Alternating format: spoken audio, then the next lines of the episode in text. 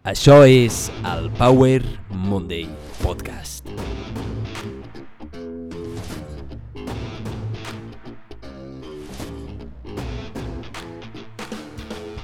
Ei, benvinguts al Power Monday Podcast. Soc en Pau, el teu apassionat de fitness, motivació i ciència. Espero que hagueu passat un estiu increïble i llegendari. En aquest episodi parlarem de valorar el que tenim i per l'altra banda, en el Power Curiosity et presentaré unes eines de medicina conegudes com a medicina hiperbàrica que s'està utilitzant per tractar diferents patologies que pot ser molt interessant. Tot això en aquest episodi. Som-hi. No valores el que tens fins que ho perds. No valores el que tens fins que ho perds. Deus haver sentit aquesta frase més de mil i una vegades. Tot i això, sembla que et segueixi sorprenent quan perds alguna cosa. L'increïble buit que et deixa. L'increïble sensació de malestar que tens quan perds alguna cosa que donaves per suposada. Perquè allò significava molt per tu. És curiós com l'ésser humà és capaç de trobar problemes i passar-ho malament en qualsevol ambient, en qualsevol situació. Els humans tenim una virtut, i és que si no hi ha problemes, ens els creiem. On vaig amb això? Doncs bé, quan estem en una esfera en el que tenim de tot, sempre hi ha alguna cosa que ens pot fer infeliços. I sempre hi ha alguna cosa que podem perdre que ens farà infeliços, una cosa que probablement no és ni necessària, però tot i així ho és per nosaltres. Hi ha qui diu que aquesta frase de no valores el que tens fins que ho perds no és del tot certa. La veritat és que ja sabem el que tenim, però mai pensem que ho podem perdre. I per tant, el problema no és valorar el que tenim, sinó la sensació de pèrdua. Però clar, hem de ser conscients del que tenim per perdre-ho. Per tant, valorar el que tenim passa per practicar la gratitud i també per ser conscient de que res és per sempre i que ho podem perdre en qualsevol moment. I ser conscient de que tot és efímer, de que tot pot desaparèixer d'un moment a l'altre, no fa que siguem tristos, no fa que ens deprimim, sinó fa que valorem més allò que tenim i que practiquem la gratitud i siguem conscients de que allò que tenim significa molt per nosaltres. La meva pregunta per tu és, creus que valores suficientment el que tens? I creus que dediques suficientment temps en apreciar i en estar agraït i a gaudir d'allò que tens, com el teu cos, el teu cor que batega constantment, els teus ulls que són capaços de veure, la teva oïda que és capaç de sentir, les experiències que pots viure. M'agradaria, a vegades, que la gent esperés un moment, respirés i valorés del tot allò que té. Perquè sovint no valorem el que teníem fins que ho perdem. Però clar, un cop ja ho hem perdut, realment no ho podem valorar, no ho podem experimentar del tot, perquè ja ho hem perdut. Per tant, ens aferrem únicament a la nostàlgia de tenir allò. I sempre he pensat que, sigui la situació en la que sigui, quan perdis una cosa, la recordaràs amb nostàlgia. Per tant, valora el que tens ara, perquè quan miris enrere, ho recordaràs amb nostàlgia i desitjaràs tornar a estar en aquell moment. I és que molts cops els humans tendim a centrar-nos en el que ens falta, en el que no tenim, en allò que ens falta per ser complets, en la sensació aquesta de que no som suficients.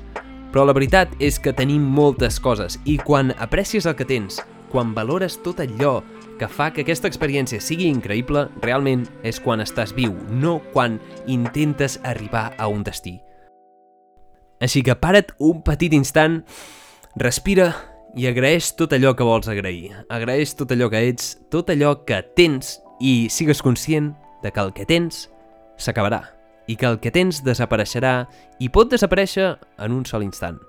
Així que viu una mica al present i gaudeix del que tens i del que ets, de la gent que t'envolta i valora aquest precís instant que aquest precís instant et recordo, no sé si et sorprendrà això, però és irrepetible. No hi ha un moment igual en tota la història de l'univers, perquè només és ara. Molt bé, i ara anem a parlar de la medicina hiperbàrica. Has vist mai Bola de Drac? Doncs bé, si recordes en el planeta Namek quan en Son Goku està rebentat de lluitar contra el Capità Guineu i el canvi de cos i tota la pesca, per regenerar-se entra en un tanc curatiu, un tanc amb aigua i uns tubs.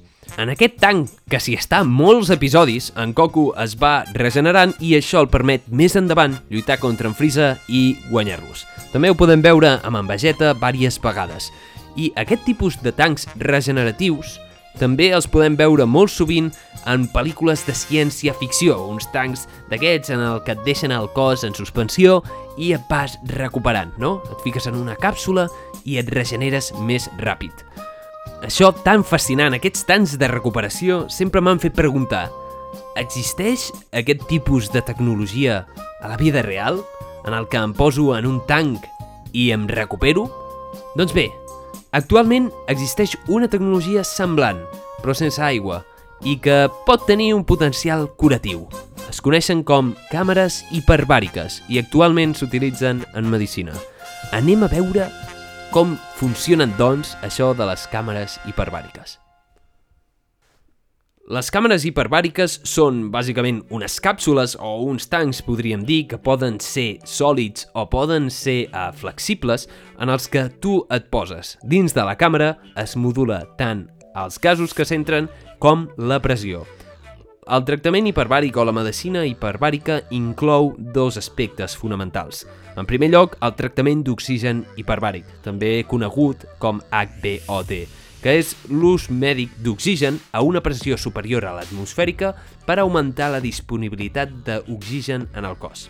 I per l'altra banda tenim la recompressió terapèutica, que consisteix en augmentar la pressió ambiental sobre una persona, normalment un bussejador, per tractar la malaltia de descompressió o una embòlia aèria eliminant les bombolles que s'han format al cos.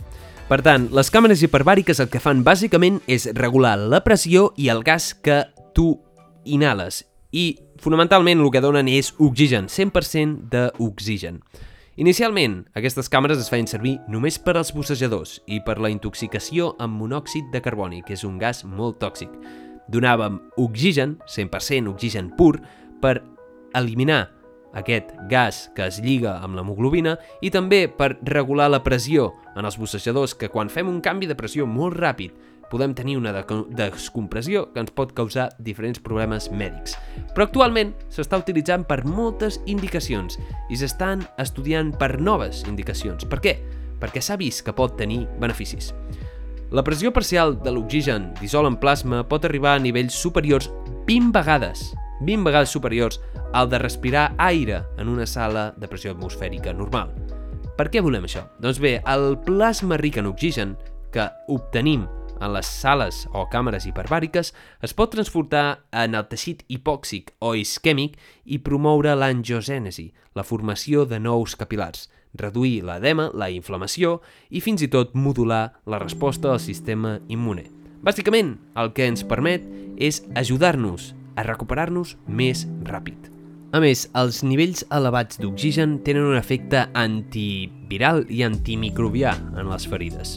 Així, es promou un ambient escèptic, almenys. Encara que tot sembli increïble i molaria molt, de fet, poder posar-te en un tanc i regenerar-te, com en Son Goku, a Bola de Drac o en Vegeta, o tots aquests tancs que surten a ciència-ficció, on entres, t'estàs una estona, surts i estàs de puta mare.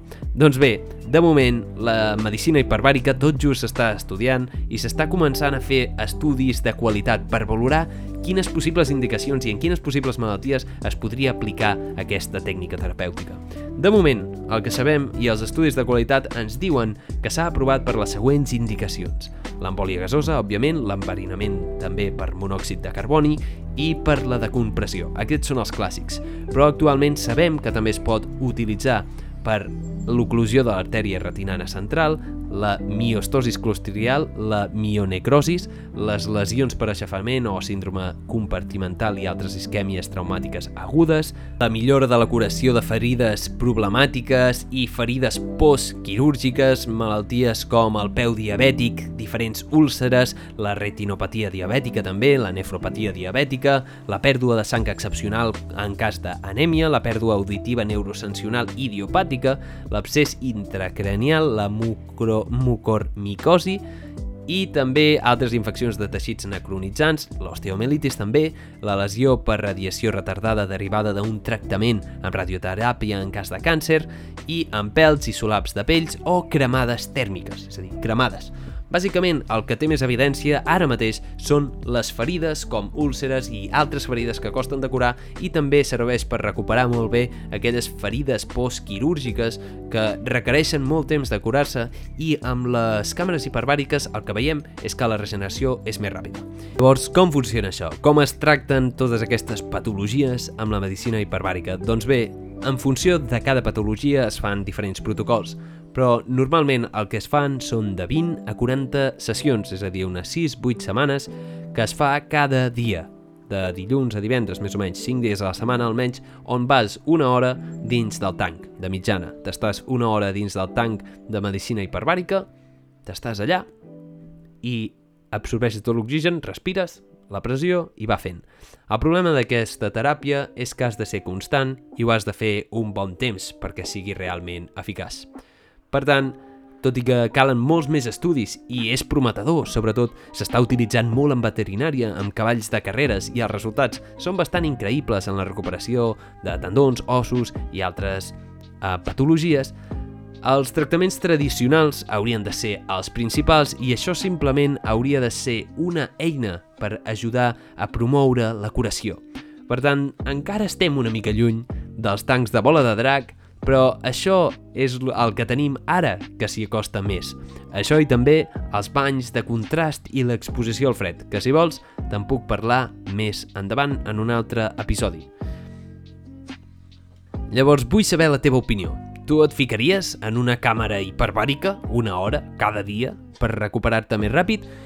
Mm, recreant el tanc de bola de drac, jo crec que si poses de fons música de bola de drac et recuperes més ràpid. I per l'altra banda, què prefereixes? Càmera hiperbàrica o mongetes màgiques? Jo realment, si existissin les mongetes màgiques, no m'ho pensaria. Però ficar-me en una càmera hiperbàrica per regenerar-me més ràpid, tampoc ho veig tan malament. A tenir en compte, tot i això, que la medicina hiperbàrica té els seus efectes adversos. Insuflar oxigen a aquestes concentracions al 100% pensa que, normalment, l'aire que respirem té un 21% d'oxigen. Llavors, si fiquem 100% d'oxigen, això pot causar intoxicació d'oxigen, eh, la pressió alta et pot destrossar el timpà si no regules bé la pressió de les orelles i pots tenir algun síndrome derivat de l'exposició elevada a oxigen. Llavors, té efectes adversos que són molt, molt, molt poc comuns, però que s'han de tenir en compte quan valorem si realment la ferida és molt important o si pot millorar amb els eh, tractaments normals, com l'oli de rosa mosqueta, que va bé per tot, es veu. I això és tot per aquest episodi. Moltíssimes gràcies per haver escoltat aquest episodi. Espero que t'hagi agradat o t'hagi aportat una mica de valor. Recorda, si t'ha agradat, si us plau, comparteixo amb els teus amics, envia-ho a alguna persona que creguis que necessiti sentir aquests missatges, posa'm m'agrada, posa'm seguir a les xarxes que m'estiguis seguint, estic a YouTube, estic a Instagram i em pots trobar a diferents plataformes com Google Podcast, Spotify, Deezer, diferents plataformes de podcast. Recorda, valora allò que tens i sigues conscient de que és efímer. Si mostres gratitud i ets conscient de que és efímer, gaudiràs de la vida molt més. El present és ara. I per l'altra banda, potser encara no hem aconseguit els tancs de regeneració de bola de drac, però ens estem acostant i la medicina hiperbàrica és molt segura i eficaç per recuperar les teves ferides. És molt curiós, és super interessant i et recomano que li facis una ullada si vols regenerar. Et desitjo una setmana plena de consciència i presència i que et regeneris com un llangardaix. No sé si els llangardaixos es regeneren tan ràpid.